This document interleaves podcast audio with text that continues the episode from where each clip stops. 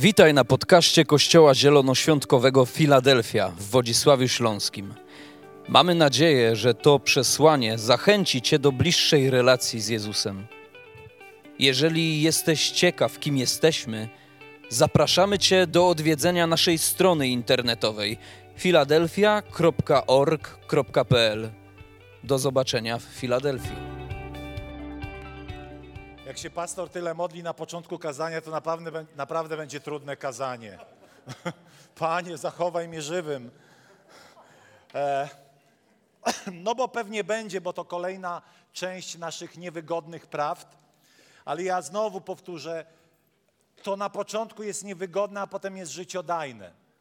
I musimy e, umieć rozumieć ten przekaz Nowego Przymierza, że on ma różne odsłony, ale zawsze kończy się dla naszego życia dobrze. Czyli wszystko, co Jezus powiedział, bez względu na to, jak to powiedział i co powiedział, jest dobre. Amen. I o tym będziemy mówili. I dzisiaj będziemy mówili, jak wyrwać się z pozycji sługi pieniądza. Będziemy się uwalniali nawzajem. Abyśmy, aby to pieniądze nam służyły, abyśmy my nie służyli pieniądzom. My mamy służyć w dwóch miejscach. Mamy służyć Bogu i mamy służyć ludziom w imieniu Boga. I to są dwa miejsca, w których my jesteśmy sługami. I pewnie kolejne moje nauczanie będzie o tym, co to znaczy być sługą. I to jest jeden z najpiękniejszych tytułów, jaki można sobie wyobrazić. My nie przyszliśmy, aby panować jeden na drugim, dominować, manipulować, ale aby służyć. I to każdy.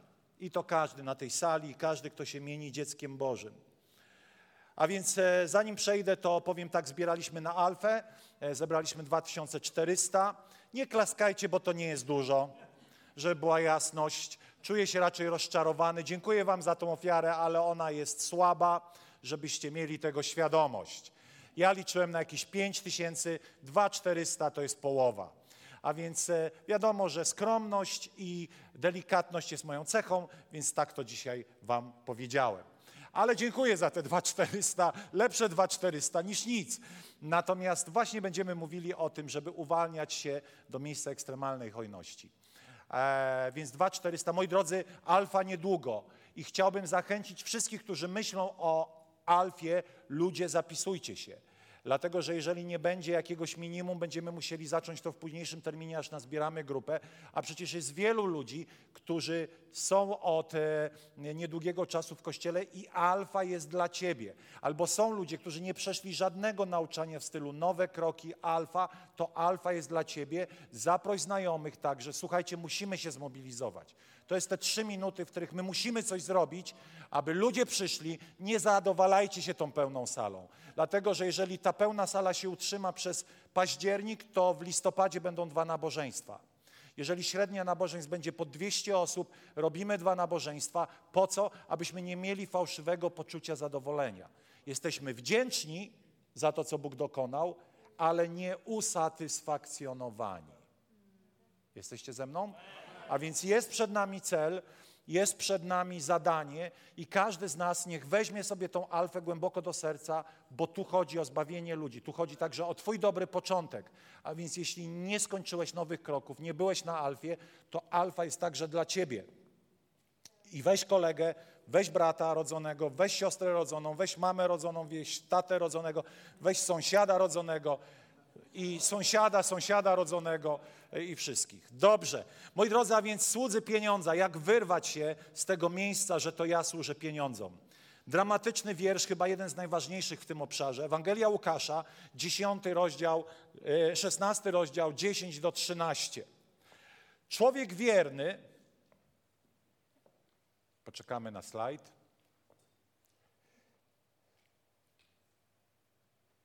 Człowiek wierny w najdrobniejszej sprawie jest wierny i w wielkiej ten jednak, który w najdrobniejszej jest niesprawiedliwy, niesprawiedliwy jest i w wielkiej. Jeśli więc w zarządzaniu pieniędzmi tego niesprawiedliwego świata nie okazaliście się wierni, kto wam powierzy to, co prawdziwie cenne? I jeśli w cudzym nie okazaliście się wierni, kto wam da to, co dla was odłożone? Żaden sługa domu nie może służyć dwóm panom, gdyż albo, to jest niesamowicie trudny werset, gdyż albo jednego będzie nienawidził, a drugiego kochał, albo jednemu będzie oddany, a drugim pogardzi. Nie jesteście w stanie, słuchajcie teraz tego kościele i ludzie online, nie jesteście w stanie służyć Bogu i pieniądzom, mówi nowe tłumaczenie. Starsze tłumaczenia mówią, nie jesteście w stanie służyć Bogu i mamonie. Co to jest ta mamona? Moi drodzy, dzisiaj, bo to jest ważne, żeby wytłumaczyć, bo bardzo często my dzisiaj jakby skupiamy się, że mamona w naszym potocznym otoczeniu to są pieniądze. Tak, dzisiaj, kiedy mówimy o mamonie, najczęściej mamy na myśli pieniądze i to w takim złym kontekście zawsze, prawda?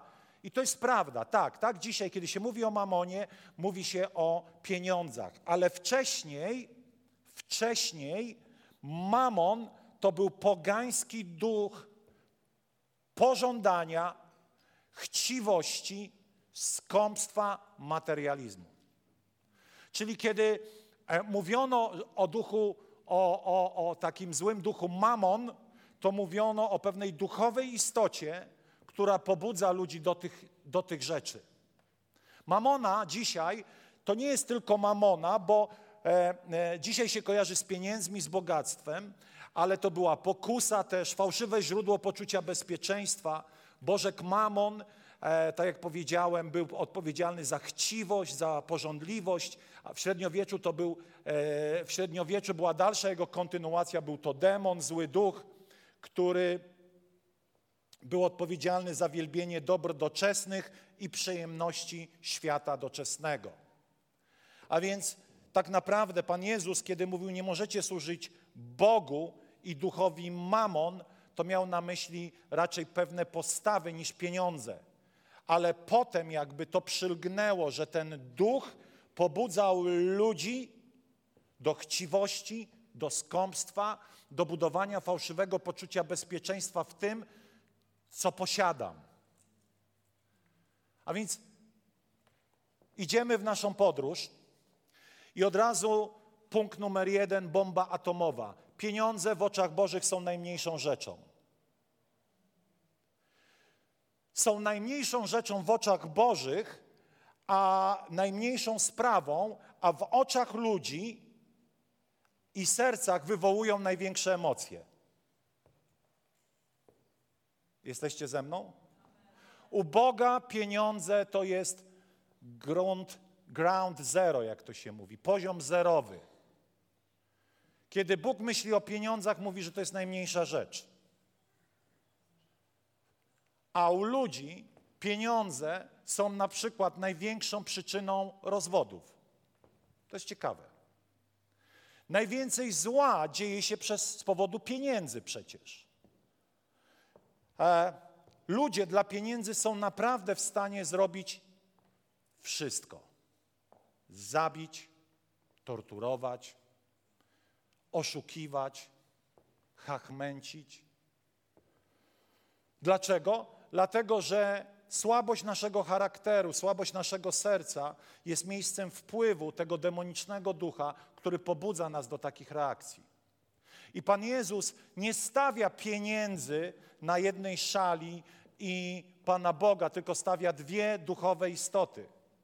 Nie możesz służyć Bogu i demonom ale to, jaki będziesz miał stosunek do najmniejszej rzeczy, jakimi są pieniądze, będzie pokazywało Ciebie jako osobę, która, która pokazuje, gdzie jest jej serce w najmniejszej, powiedzcie najmniejszej, najmniejszej, sprawie. I nie obchodzi mnie teraz, że, że denerwuje się Twoje serce i mówi, znowu pastor mówi o pieniądzach. Tak długo będę mówił o pieniądzach, aż będziemy wolni od ducha pożądania aż będziemy wolni od tego, co niszczy nasze życie wiele razy.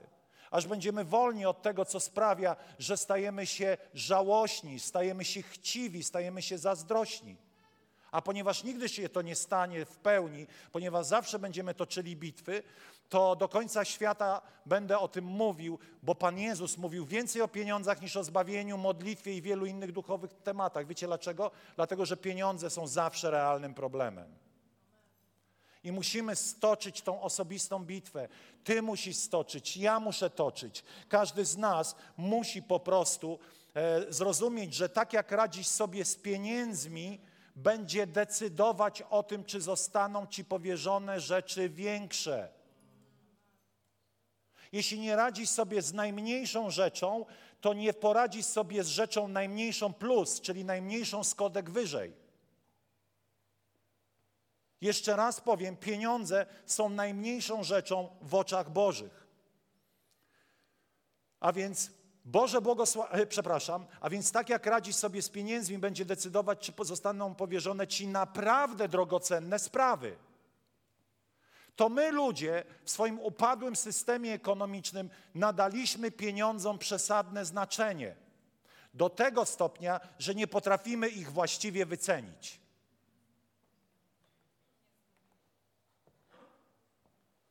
Kolejna myśl z tym związana, pamiętaj, że pieniądze, które masz, nie są Twoje, tylko Ci się tak wydaje. Oto jest historia o człowieku, który w Biblii jest napisane nagromadził. Można by było powiedzieć, że facetowi powiodło się w biznesie. Zgromadził olbrzymie środki na koncie, e, miał wiele udziałów i wiecie, kiedy tak przyglądał się w komputerze tym słupkom, na których rośnie jego konto, pomyślał sobie, teraz mam wystarczająco, żeby żyć. Teraz mam wystarczająco. Bóg mi nie jest do niczego potrzebny. Wszystko tymi ręcami sobie zdobyłem. I jest napisane w tej historii, że kiedy facet postanowił w końcu żyć, objechać cały świat, wydawać na rozrywki, jest napisane: Idioto, jeszcze dzisiaj zażądam Twojej duszy. I to jest cytat o Bogu, który mówi: Ja tu rozdaję karty. Ja decyduję, co z Tobą będzie, a nie Ty sam, ani Twoje środki, które posiadasz. Choć nie jest niczym złym być odpowiedzialnym i mądrym zarządcą, i wiecie, że tego uczymy, do tego zachęcamy, tak jak Żydzi się tego uczyli, tak chrześcijanie powinni o tym dużo nauczać, aby ludzie po prostu byli mądrzy w swoich finansach. Bo tylko oszczędny jest hojny, rozrzutny nigdy nie ma. Żeby być hojnym, trzeba być oszczędnym. To znowu to odwrócone królestwo. A więc musimy o tym pamiętać, bo jest napisane, że pieniądze zostały powierzone w tym fragmencie i wszystko następne wynikające z mojego mądrego zarządzania finansami, wszystko inne też jest mi powierzane. A więc Twoje życie jest odzwierciedleniem, nie zawsze, bo nie wolno nigdy uogólniać, to byłoby niesprawiedliwe, ale Twoje życie, jakość Twojego życia, e, dojrzałość i mądrość są bardzo często odzwierciedleniem tego, jak radzisz sobie z pieniędzmi.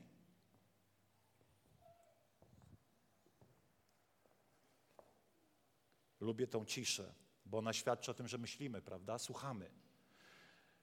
Ale jest pytanie, skoro, skoro pieniądze są neutralne, to jak rozpoznać same w sobie, jak rozpoznać, bo to jest pytanie. Bardzo często ludzie mówią, hm, pastorze, ja tam nie potrzebuję Boga do pieniędzy. Wierzę, chodzę, nie daję. Bóg mi błogosławi. Serio? Naprawdę tak wierzysz? Jak ten facet, który miał na koncie? Biblia mówi o tym, że owoc decyduje o pochodzeniu. Owoc drzewa decyduje, jakby mówi nam wiele o korzeniu. Zgadzacie się z tym? Jeśli owoc jest lichy, produkuje kiepskie owoce.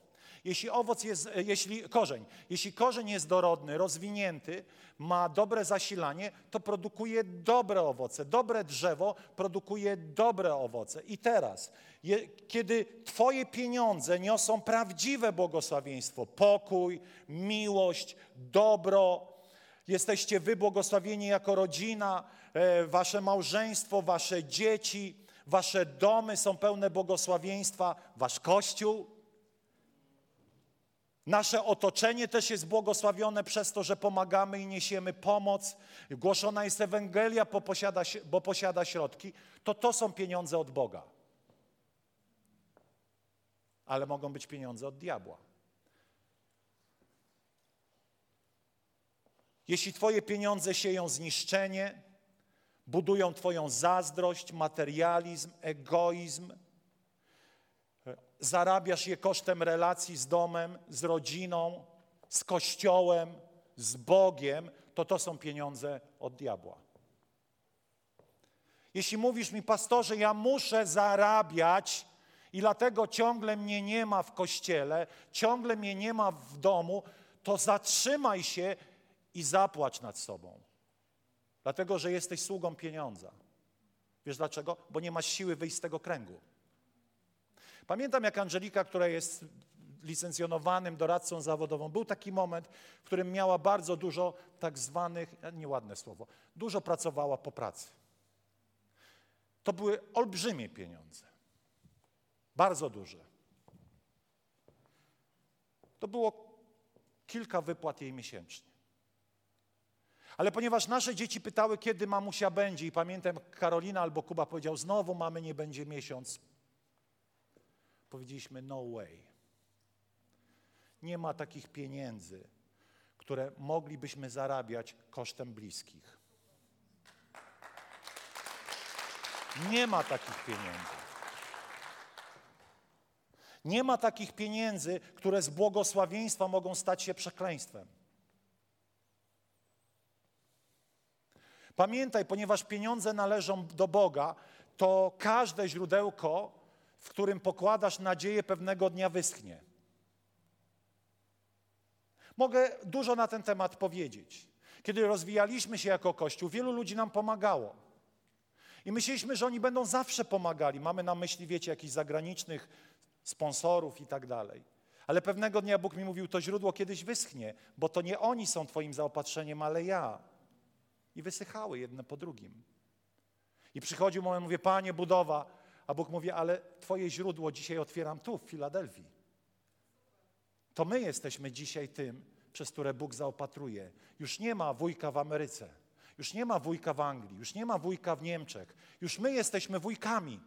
Już my z tych, którzy biorą, przechodzimy do pozycji tych, którzy dają. Amen? A więc, moi drodzy, zadajmy sobie pytanie i chciałbym teraz, żebyś zadał sobie pytanie. Żebyś zadał sobie to pytanie, co generują w Twoim życiu Twoje pieniądze? Jakie owoce wydają? Ja nie mam na myśli, wiecie, jakiejś chwilowej spiny, bo jest więcej pracy. To jest normalne. Ale jeżeli twoja żona płacze i się kłóci z tobą, że ciebie ciągle nie ma, bo ty masz tak rozbujane fuchy, to zluzuj. Co ci po pieniądzach, jak żonę stracisz? Co ci po pieniądzach, jak dzieci stracisz? Naprawdę jesteś w stanie to równoważyć? Co ci po pieniądzach, jeżeli stracisz Boże Królestwo?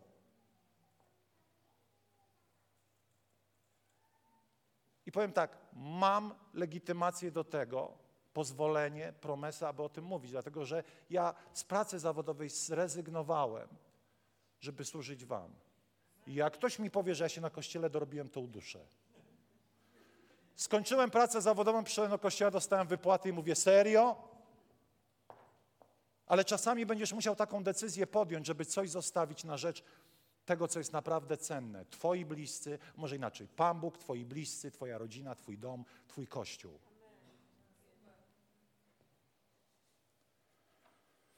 Służymy Bogu i ludziom w imieniu Boga, a pieniądze służą nam. Służą nam, kiedy poświęcamy się Bogu, a nie pieniądzom i potrafimy o tym zadecydować, wygrać, kiedy jesteśmy kuszeni, aby jednak uwikłać się destrukcyjnie w system tego świata dla pieniędzy. Moi drodzy, ale znowu idziemy dalej. Pieniądze przychodzą. Jak ustanowić w naszym życiu, jak ustanowić w naszym życiu standard Bożego Królestwa w finansach? Jak przełamać w nas materializm i chciwość, bo to jest pytanie. Kiedy mogę powiedzieć, że nie służę pieniądzom? Jest jedna prosta recepta. Oto drugi list do Koryntian, dziewiąty rozdział, siódmy wiersz. Jest tylko jeden sposób na przełamywanie ducha mamony. To jest hojność. Nie ma innej, innej, nie ma innej metody. Bo hojność jest opozycją do mamony. Duch mamony mówi ci zagarniaj, posiadaj, miej jeszcze więcej, szukaj w tym poczucia wartości. A w Królestwie Bożym jest napisane, że to, co przynosi prawdziwą satysfakcję, to radość, która wynika z działania, z dawania. Każdy więc niech się dzieli w sercu swoim, e, przepraszam, każdy więc niech się dzieli tak, jak postanowił w sercu, nie z żalem albo z przymusu, gdyż Bóg kocha radosnego dawcę. I teraz słuchajcie, teraz słuchajcie. To słowo radosnego jest kluczem. Dlatego, że Bóg nie kocha ciebie jako, da... znaczy Bóg cię kocha, ale Twoje dawanie kocha wtedy, kiedy jest radosne. Jeżeli ono nie jest radosne, to Twoje dawanie nie ma sensu. Dlaczego? Bo jest smutnym kościelnym obowiązkiem. Jeżeli cokolwiek dajesz z kwaśną miną, jest ci to trudno dawać, nie dawaj. Wyobraź sobie, że masz urodziny. Twoi przyjaciele ponieważ wiedzą, że wierzysz w hojność, głupio im było dać byle co. Nie poszli do sklepu za 5 zł, nie zakupili na AliExpress czegoś za 2 dolary, nazbierali, bo chcieli Cię uszanować. Przychodzą ty z tym czymś do Ciebie i mówią tak, wiesz, to jest hojny dar ale strasznie to nas denerwuje, że musieliśmy zbierać na to kasę. Normalnie awantury były takie między nami. Wiesz, mam, miałem tydzień z głowy, że musiałem się do tego dołożyć. Czy przyjąłbyś taki prezent? A dlaczego Bóg ma Twój prezent przyjmować, który jest dany mu z kwaśną miną? To są żarty? A więc cokolwiek czynisz w tym obszarze, musisz przejść z miejsca bólu do miejsca radości. Musi ci się po prostu buzia uśmiechać, że to czynisz. Mało tego, kiedy zaczniesz to czynić, zaczniesz w pewnym momencie czerpać z tego radość i będziesz szukał okazji, aby kogoś pobłogosławić.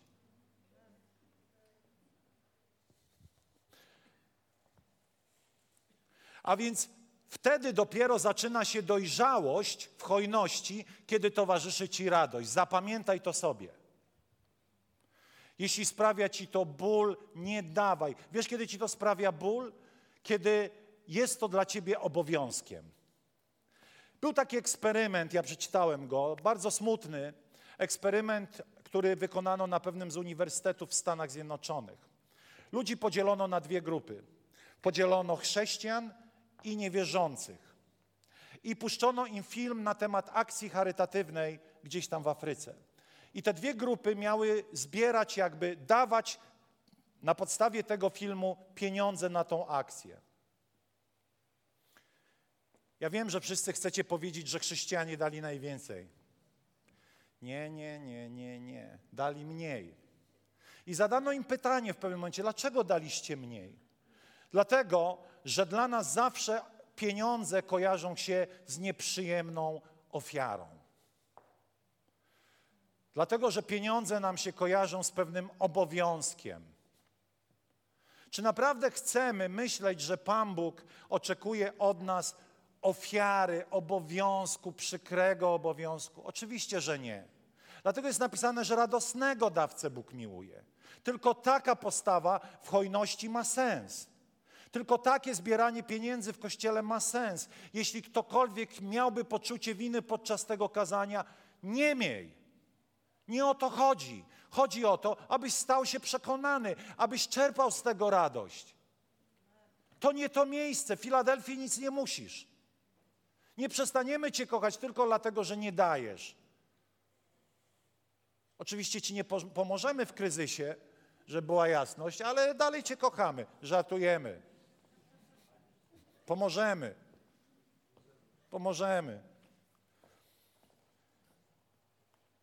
Przełamywaniu chciwości musi też nastąpić przełamanie strachu. Dlatego, że wiecie, my nie dajemy z dwóch powodów. Po pierwsze, dlatego, że jesteśmy chciwi albo się boimy. Boimy się, że nam zabraknie. Boimy się, że ja mogę kontrolować swoje finanse i dzięki temu, że kontroluję swoje finanse, jestem w stanie e, kontrolować całą historię mojego życia. Nieprawda. Ciągle mi się przypomina ta historia, Pan zrozumie, jak siostra Beata Mazurek opowiadała, jak to, jak to było dziesięciny nie dałeś do kościoła? Dziesięciny nie, nie dałeś do kościoła, bo jechałeś na wakacje i Pan rozumie. Pan tak zrozumiał, że się pralka zepsuła. Znaczy pozornie się zepsuła ale nie miała wpływu na to, żeby ona się zepsuła albo nie. Są rzeczy, na które nie mamy wpływu, a wierzymy, że mamy wpływ na wszystko. Nie mamy wpływu na rynki finansowe, kiedy, nie wiem, dolar zacznie tak drożeć, że to, co kosztowało 5 zł w sklepie, będzie 7 zł kosztowało. Dlatego potrzebujemy Boga zaprosić do naszych finansów i nie pozwolić, aby strach i wiara w to, że ja mogę wszystko kontrolować, opanowała moje serce. Strach bardzo często motywuje ludzi do tego, żeby nie dawali, nie byli hojni. Nie tylko chciwość, żeby mieć więcej, ale bardzo często strach. Nie dam, bo się boję. Właśnie strach jest przełamywany przez ten akt zaufania, że mój Bóg chroni moje pieniądze, a ja będę wierny w tej najmniejszej sprawie.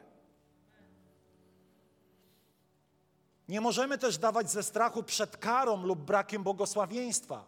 Jeśli dajesz tylko, bo chcesz być błogosławiony, to jest za słaba motywacja, dlatego że znowu dotyczy ona Twojej chciwości. Dajemy, bo kochamy, tylko i wyłącznie.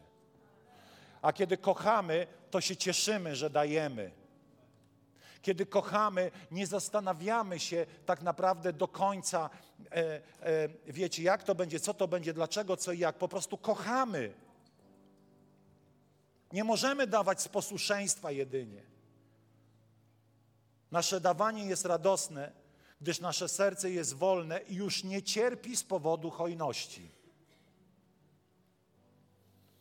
A więc Bóg kocha radosnego dawcę. Nastawienie serca decyduje o tym, czy Bóg uzna cię za dawcę. Możesz dać 30%, ale jeżeli zrobiłeś to z bólem, nie jesteś dawcą. Jesteś tylko wykonawcą pewnego prawa.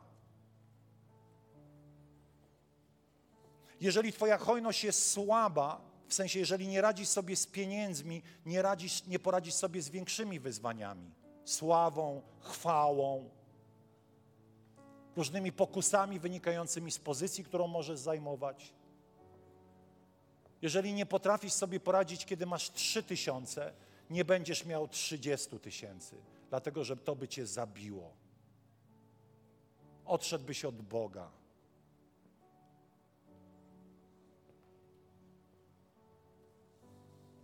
A więc jeszcze raz, to radosne nastawienie serca w akcie hojności decyduje, czy w oczach Bożych jesteśmy sługami Boga, a pieniądze stają się naszym sługą. Zimne posłuszeństwo nigdy nie było w Nowym Testamencie, ani w Starym Bożym zamiarem dla nas. Bóg zawsze szuka serca. Przepraszam. Bóg... Kocham Was. A więc jak zacząć? I znowu będzie twardo. Ja wiem, ludzie mają milion teorii na to. 10% jest, wystarcza, jest dobrym miejscem, aby zacząć. Pierwsze i najlepsze dla Pana. Twoje pierwsze i najlepsze przynieść do domu Bożego bo hojność zaczyna się od tego, co powyżej. Jak to, pastorze, daj 10%, nie jestem hojny? Nie, to jest 10% to jest minimum Starego Testamentu. To jest oddanie Bogu tego, co jest Jego. Dalej Cię kochamy, pomimo, że nie dajesz 10%. Dalej będziemy Cię traktowali z szacunkiem. Ale jeśli chcesz doświadczać Bożego powodzenia, Jego pełni w tym obszarze, to dziesięcina jest dobrym miejscem, aby zacząć. Nie bój się. Prawo siania i zbierania i posłuszeństwa w dziesięcinie jest chyba jednym z najbardziej spektakularnie precyzyjnych, precyzyjnym działaniem i duchowym prawem w naszym życiu.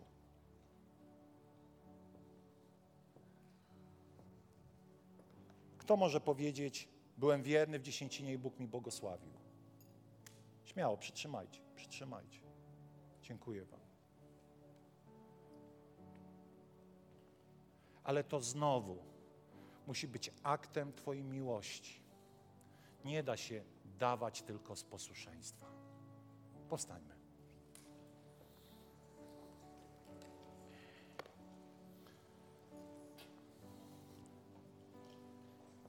W tym kościele nic nie musisz.